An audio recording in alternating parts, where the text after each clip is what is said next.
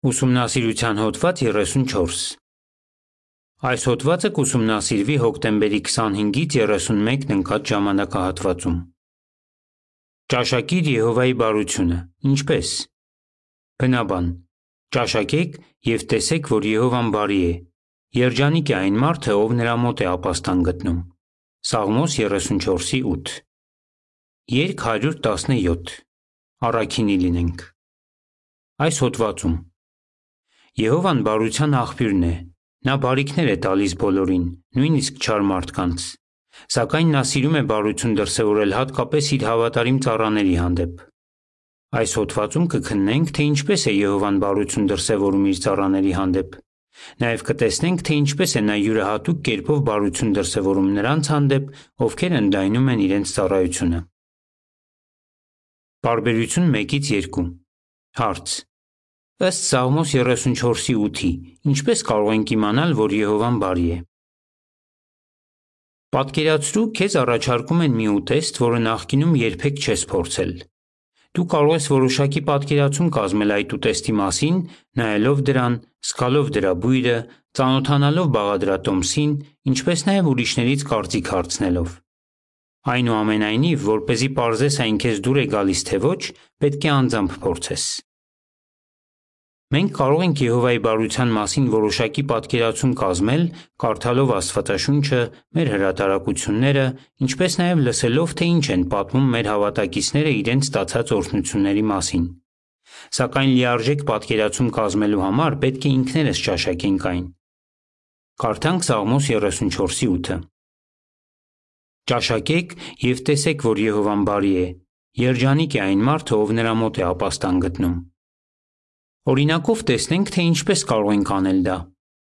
Ենթադրենք, ցանկանում ենք լիաժամ ծառայություն սկսել եւ որպեսզի հասնենք այդ նպատակին, պետք է պարզեցնենք մեր կյանքը։ Գուցե հաճախ ենք կարդացել Հիսուսի այն խոստման մասին, որ եթե թագավորության շահերը առաջին տեղում դնենք, Եհովան կապահովի մեզ այն ամենով, ինչի կարիքը իսկապես ունենք։ Սակայն անձամբ հնարավորություն չենք ունեցել զգալու այդ խոսքերի ճշմարտացիությունը։ Այդուհանդերձ, հավատալով Հիսուսի խոստմանը, մենք նվազեցնում ենք մեր ծախսերը, ավելի քիչ ժամանակ ենք տրամադրում աշխատանքին ու կենտրոնանում ենք մեր ծառայության վրա։ Եվ երբ այդպես ենք վարվում, տեսնում ենք, որ Եհովան իսկապես հոգ է տանում մեր կարիքների մասին։ Այդպիսով մենք անձամբ ենք ճաշակում Եհովայի բարությունը։ Բարբերություն 3 Հարց. Սաղմոս 31:19-ի համաձայն ովքեր են արժանանում Եհովայի բարությանը։ Եհովան բարի է ամենքի հանդեպ, նույնիսկ նրանց, ովքեր չեն ճանաչում իրեն։ Բայց առատապես օրհնվում են հատկապես նրանք, ովքեր սիրում են Եհովային եւ ծառայում են նրան ամբողջ հոգով։ Կարդանք Սաղմոս 31:19 Որքան մեծ է քո բարությունը, որ պահում ես քեզանից վախեցողների համար եւ դրսեւորում ես քեզ մոտ ապաստան փնտրողների հանդեպ մարդկանց որդիների առաջ։ Այժմ տեսնենք, թե ինչպես է Եհովան բարություն դրսևորել մեր հանդեպ։ Բարբերություն 4 Հարց. Ինչպես է Եհովան բարություն դրսևորում նրանց հանդեպ, ովքեր սկսում են մտերմանալ իր հետ։ Ամեն անգամ, երբ կիրառում ենք այն, ինչ Եհովան սովորեցնում է մեզ, մեծ օգուտներ ենք քաղում։ Օրինակ, երբ ավելի շատ բան իմացանք Աստծու մասին եւ սկսեցինք սիրել նրան, նա օգնեց մեզ, որ ձերբազատվենք այնպիսի մտածելակերպից ու սովորություններից, որոնք հեռացնում էին մեզ նրանից։ Եվ երբ նվիրվեցինք Եհովային ու մկրտվեցինք, ավելի շատ զգացինք նրա բարությունը, քանի որ նա մեզ տվեց մաքուր խիղճ եւ մտերմացավ մեզ հետ։ Բարբերություն 5 Հարց. Ինչպես ենք մեր ծառայության ժամանակ տեսնում, որ Եհովան բարի է։ Մենք տեսնում ենք Եհովայի բարությունը նաև այն ժամանակ, երբ մասնակցում ենք ծառայությանը։ Ամաչկոտ ես։ Եհովայի ծառաներից շատերն են ամաչկոտ։ Թերևս նախքան վկա դառնալը դու չէիր էլ կարող պատկերացնել, որ մի օր կթակես անծանոթ մարդկանց դռները եւ կխոսես նրանց հետ Աստվածաշնչի մասին։ Բայց այսօր կանոնավորաբար անում ես դա։ Դեռ ավելին, Եհովայի օգնությամբ նույնիսկ հաճույք ես ստանում քարոզչական գործից։ Դու զգացել ես Եհովայի աջակցությունը բազմաթիվ այլ կերպերով ևս։ Նա օգնել է, որ հակառակության բախվելիս հանգստություն պահպանես։ Օգնել է, որ Աստվածաշնչյան ճիշտ համար կարդաս այն բնակչի համար, ով հետաքրքրություն է ցուցաբերել։ Նաև ուժ է տվել, որ շարունակես քարոզել, չնայած մարդկանց անտարբերությանը։ Բարբերություն 6 Հարց. Ինչպես է Եհովայի տված կրթությունը փաստում, որ նա բարի է։ Եհովան նաև բարություն է դրսևորում մեր հանդեպ, երբ սովորեցնում է մեզ քարոզել։ Մեր միջշաբաթյա հանդիպմանը մենք քննարկում ենք լավ պատրաստված զրույցի օրինակներ, որոնք կարող ենք օգտագործել ծառայության ժամանակ։ Սկզբում գուցե կաշկանդվենք նոր բան փորձելուց, բայց երբ փորձում ենք, տեսնում ենք, որ նոր մեթոդը արդյունավետ է մեր տարածքում։ Բացի այդ, ժողովների եւ համաժողովների ժամանակ մեզ հորդորում են մասնակցել ծառայության այնպիսի ձևերի, որոնք նախկինում գուցե երբեք չենք փորձել։ Ծառայության նոր ձև փորձելիս թերևս նույնպես լարվենք, բայց այդպես վարվելով Եհովային մեզ օրհնելու առիթ կտանք։ Եկեք այժմ քննենք այն օրհնություններից մի քանիսը, որոնք ստանում ենք, երբ չնայած մեր հանգամանքներին Եհովային լավագույնը տալու նոր կերպեր ենք փնտրում։ Այնուհետև կտեսնենք, թե ինչպես կարող ենք ընդլայնել մեր ծառայությունը։ Եհովան օրհնում է նրանց, ովքեր վստահում են իրեն։ Բարբերություն 7 Հարց. Ինչ օրհնություններ ենք ստանում, երբ ձգտում ենք ընդլայնել մեր ծառայությունը։ Ավելի ենք մտերմանում Եհովայի հետ։ Քննենք Սեմյուելի օրինակը։ Նա երեց է եւ իր կնոջ հետ ծառայում է Կոլումբիայում։ Նրանք հրավիրայություն էին անում, բայց ցանկանում էին ընդլայնել իրենց ծառայությունը, տեղափոխվելով մի ժողով, որտեղ քարոզիչների ավելի մեծ կարիք կար։ Այդ նպատակին հասնելու համար նրանք պետք է որոշ զողողություններ անեին։ Սեմյուելն ասում է. Մենք կիրառեցինք Մատթեոս 6:33-ի խորհուրդը եւ սկսեցինք անտեղի ծախսեր չանել։ Բայց ամենից դժվարը մեր բնակարանը թողնելն էր։ Այն հենց մեր ուզածով էր կառուցված եւ դրա հետ կապված մենք որևէ ֆինանսական պարտավորություն չունեինք։ Նոր նշանակման մեջ նրանք ողջեցին, որ կարող են ապրել իրենց նախկին եկամտի ընդամենը 1/6-րդ մասով։ Սեմյուելը շարունակում է. Մենք տեսանք, թե ինչպես է Եհովան առաջնորդում մեր քայլերը եւ պատասխանում մեր աղոթքներին։ Մենք առավել քան երբևէ զգում ենք Եհովայի հավանությունն ու սերը։ Կարող ես ինչ-որ ձևով ընդլայնել ծառայությունդ։ Համոզված եղիր, որ եթե այդպես վարվես, ավելի կմտերմանաս Եհովայի հետ և նա հոգ կտանի քո մասին։ Պարբերություն 8 Հարց. Ինչ ես սովորում Իվանի և Վիկտորիայի խոսքերից։ Ուրախություն ենք գտնում ծառայության մեջ։ Տեսնենք թե ինչ են անում Իվանն ու Վիկտորիան, ովքեր Ռավիրա են ծառայում Ղրղստանում։ Նրանք པարս կյանքով էին ապրում, որ เป զի կարողանային կատարել ցանկացած հանձնարարություն։ Օրինակ, մասնակցեին շինարարական նախագծերի։ Իվանն ասում է. Ցանկացած նախագծի վրա աշխատելիս մեր լավագույնն էինք անում։ Թեև օրվա վերջում հոգնած էինք լինում, բայց ներքին խաղաղություն ու բավարարվածության զգացում էինք ունենում, քանի որ գիտեինք, որ մեր ուժերը ներդրել ենք թակավորության գործում։ Մենք շատ ուրախ ենք, քանի որ ձեռք ենք բերել շատ ընկերներ եւ ունենք հաճելի հիշողություններ։ Բարբերություն 9 Հարց. Ինչ արեց մի քույր, որ ընդլայնի իր ծառայությունը, եւ ինչ եղավ արդյունքում։ Մենք ուրախություն ենք ստանում Եհովային ծառայելուց, նույնիսկ երբ դժվար հանգամանքներ ենք ունենում։ Քննենք Միրա անունով մի տարեց այրի քրոջ օրինակը, ով ապրում է Արևմտյան Աֆրիկայում։ Նա բժիշկ էր, եւ երբ թոշակի անցավ ռավիրայություն սկսեց։ Միրան արագ զարգացող հոդաբորբ ունի եւ ի վիճակի չէ մեկ ժամից ավել տնետուն քարոզել Բայց նա կարողանում է ավելի շատ ժամանակ անցկացնել հրապարակային ծառայության մեջ։ Այժմ նա շատ վերայցելություններ ունի և Աստվածաշնչի մի շարք ուսումնասիրություններ է անցկացնում։ Այդ մարդկանցից մի քանիսի հետ նա կապ է պահում հեռախոսով։ Իսկ ի՞նչ է մղեց Միրային ավելին անելու։ Նա ասում է. «Իմ սիրտը լի է Եհովայի և Հիսուս Քրիստոսի հանդեպ սիրով։ Հաճախակի աղոթում եմ Եհովային, որ օգնի ինձ Իրեն ծառայելու համար իմ լավագույնն անեմ»։ Բարբերություն 10 Հարց. Ինչպես երևում է առաջին Պետրոս 5:10-ից, Եհովան ինչ է տալիս նրանց, ովքեր ձգտում են ավելին անել իր համար։ Մենք հավելյալ կրթություն ենք ստանում Եհովայից։ Քննենք Քենի օրինակը, ով Ռավիա է ծառայում Մավրիկիոսում։ Ճշմարտությունն իմանալուց հետո նա թողեց համալսարանը, մկրտվեց և լիաժամ ծառայություն սկսեց։ Քենն ասում է. Ես փորձում եմ ապրել Եսայա մարգարեի խոսքերի համաձայն, ով ասաց. Ահա ես, ինձ ուղարկիր։ Եսայա 6:8 Քենը մասնակցել է բազմաթիվ շինարարական նախագծերի և աջակցել է մեր հրատարակությունները իր մայրենի լեզվով թարգմանելու գործին։ Նա ասում է. Ես համապատասխան մարզում ստացա և ձեռք բերեցի անհրաժեշտ հմտություններ, որ կարողանամ կատարել իմ հանձնարարությունները։ Սակայն Քենը գիտելիքներից ավելին ձեռք բերեց։ Նա շարունակում է. Ես հասկացա, թե ինչեր չեմ կարողանում անել և թե որ հատկությունների վրա պետք է աշխատեմ, որպեսզի ավելի պիտանի լինեմ Եհովայի համար։ Կարդանք Ա Պետրոս 5:10 Աստված, որը ամեն ինչում անզուգական բարություն է դրսևորում և որը ձեզ դեպի իր հավիտենական փառքը կանչեց Քրիստոսի հետ միության մեջ լինելու շնորհիվ, ձեր մի փոքր ժամանակ չարչարվելուց հետո ավարտին կհասցնի ձեր ուսուցումը, հաստատուն կդարձնի ձեզ ու կզորացնի։ Իսկ դու կարո՞ղ ես քո կյանքում փոփոխություններ անել, որպեսզի հավելյալ մարզում ստանաս Եհովայից։ Պարբերություն 11 Հարց. Ինչ արեցին Հարավային Կորեայում ապրող երեք քույրեր, որպեսզի մասնակցեն ծառայությանը, և ինչ եղավ արդյունքում։ Ծառայության նոր ձևերի մասնակցելու համար անգամ փորձառու վկաները մարզում ստանալու կարիք ունեն։ COVID-19 համավարակի ընթացքում իրականացվող քարոզչական գործի վերաբերյալ Հարավային Կորեայում ժողովներից մեկի երեսները հետևյալն են ասում.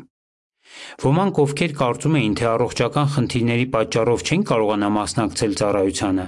այժմ դա անում են տեսակապի միջոցով։ 80-3 քույրեր սովորել են օգտվել ժամանակակից էլեկտրոնային սարքերից և սկսել են գրեթե ամեն օր դրանց միջոցով մասնակցել ծառայությանը։ Կարո՞ղ ես դու էլ ընդլայնել ծառայությունդ և ավելի շատ զգալ Եհովայի բարությունը։ Եկեք տեսնենք, թե ինչը կարող է օգնել մեզ հասնելու այդ նպատակին։ Ամսագրի շապիկի նկար։ Պարբերություն 11։ Նկարի մակագրություն։ Ամուսինները քարոզում են մի տարածքում, որտեղ քարոզիչների ավելի մեծ կարիք կա։ Երիտասարդ քույրը մասնակցում է թագավորության սրահի շինարարությանը։ Տարեցամուսինները հեռախոսով վկայություն են տալիս։ Նրանք բոլորը մեծ ուրախություն են ստանում իրենց ծառայությունից։ Ինչպե՞ս կարող ես ընդլայնել ծառայությունդ։ Պարբերություն 12 Հարց. Ինչ է խոստանում Եհովան նրանց, ովքեր վստահում են իրեն։ Սովորիր վստահել Եհովային։ Նա խոստանում է, որ առատորեն կօրհնի քեզ, եթե վստահես իրեն և քո լավագույնն անես իր համար։ Ֆաբիոլա անունով մի քույր, ով ապրում է Կոլումբիայում, իր փորձով համոզվեց դրանում։ Մկրտվելուց հետո նա որոշեց ռահվիրայություն սկսել։ Սակայն Ֆաբիոլան պետք է աշխատեր, որ ֆինանսապես աջակցեր իր ամուսնուն, որպեսզի կարողանային հոգ տանել իրենց երեք երեխաների մասին։ Ուստի երբ նա թոշակի պետք է անցներ, օգնության համար ջերմեռանդորեն աղոթեց Եհովային։ Ֆաբիոլան պատմում է. Սովորաբար կենսաթոշակի անցնելու գործընթացը երկար ժամանակ է պահանջում, բայց իմ պարագայում այն ընդամենը մեկ ամիս տևեց։ Դա ուղղակի հրաշք էր։ Երկու ամիս անց Ֆաբիոլան ռահվիրայություն սկսեց։ Այժմ նա 70-ն անց է և ավելի քան 20 տարի է ինչ ռահվիրա է ծառայում։ Այդ ընթացքում նա օգնել է 8 հոգու հասնել մկրտության։ Ֆաբիոլան ասում է. Ճիշտ է, երբեմն ինձ թույլ եմ զգում, բայց Եհովան ամեն օր օգնում է ինձ, որ հետ չընկնեմ գրաֆիկիցս։ Պարբերություն 13-ից 14 Հարց. Որ օրինակները կարող են օգնել մեզ վստահել Եհովային և ընդլայնել մեր ծառայությունը։ Սովորի նրանցից, ովքեր վստահել են Եհովային։ Աստվածաշնչում բազմաթիվ մարդկանց օրինակներ կան, ովքեր իրենց չեն խնայել Եհովային ծառայելու համար։ Շատ դեպքերում այդ հավատարիմ մարդիկ հատուկ օրհնություններ են ստացել միայն այն բանից հետո, երբ ցույց են տվել, որ վստահում են Եհովային։ Օրինակ, Աբրահամը օրհնվեց միայն այն բանից հետո, երբ թողեց իր հայրենի տունը, թեև չգիտեր, թե ուր է գնում։ Եբրայեցիներ 11:8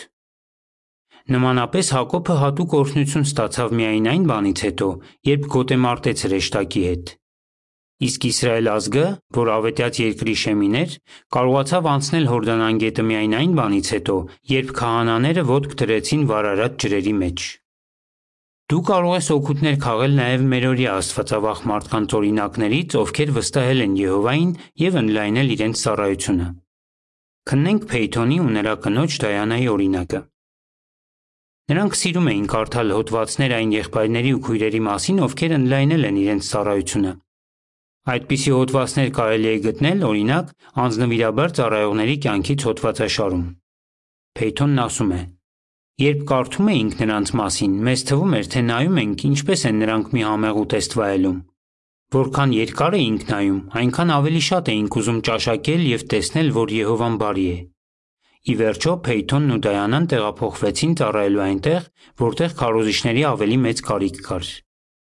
Դիտել ես բարի լուրը հասնում է հեռավոր տարածքներ Ավստրալիա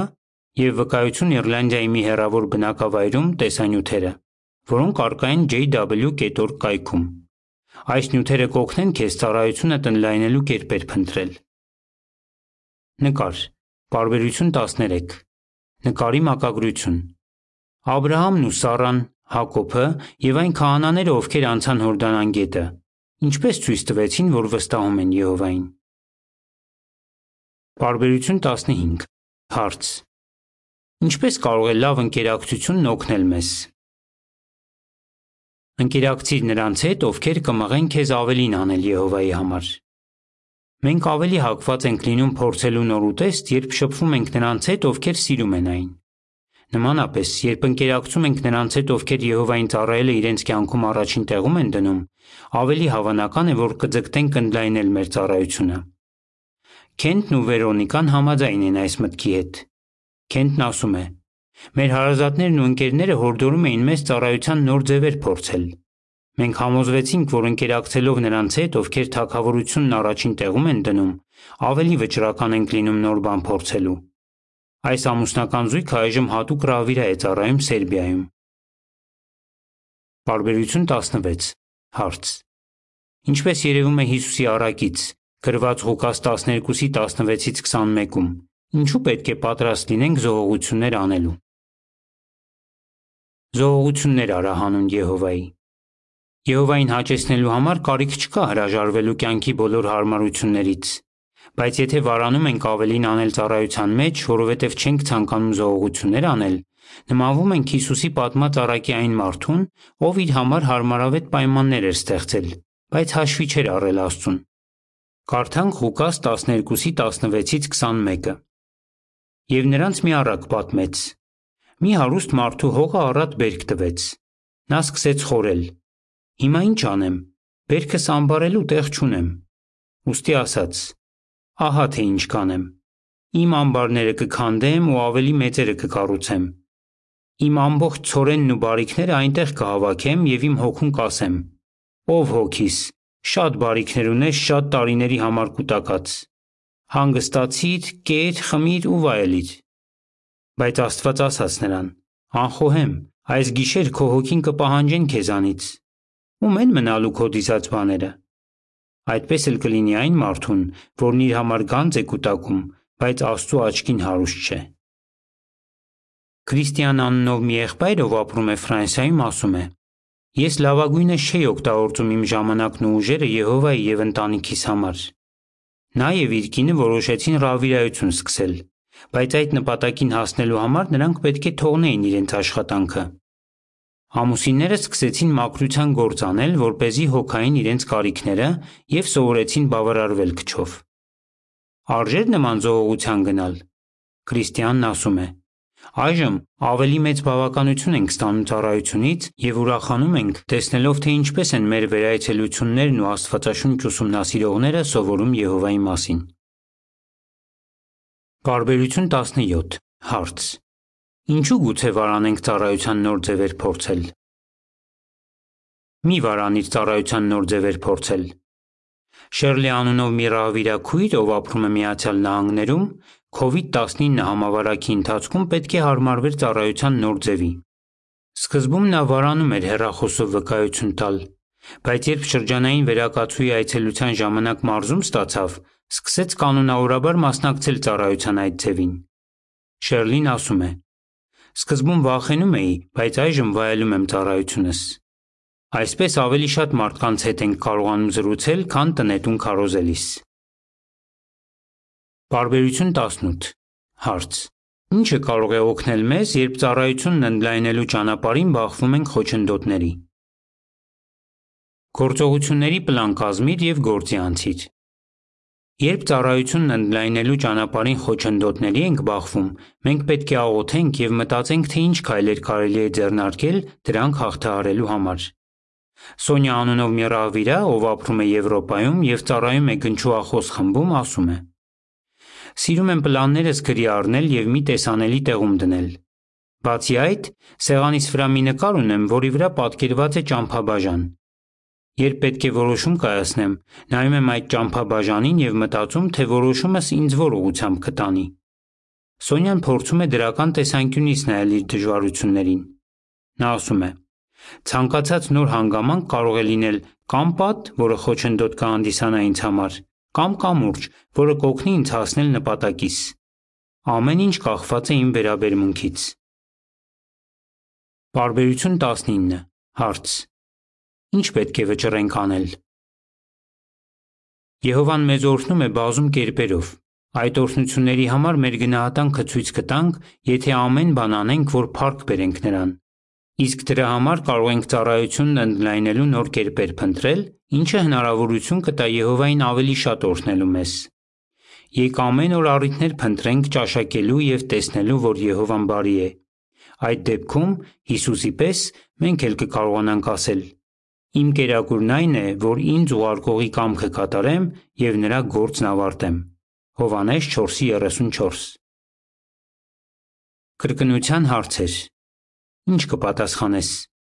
Ինչ պետք է անենք, որպեսզի զգանք Եհովայի բարությունը յուրահատուկ կերպով Ինչպես է Եհովան բարություն դրսևորում նրանց հանդեպ, ովքեր ընդլայնում են իրենց ծառայությունը Ինչը կարող է օգնել մեզ, որ ընդլայնենք մեր ծառայությունը 2.80 Ճաշակեք եւ տեսեք, որ Եհովան բարի է։ Հոդվացի ավարտ։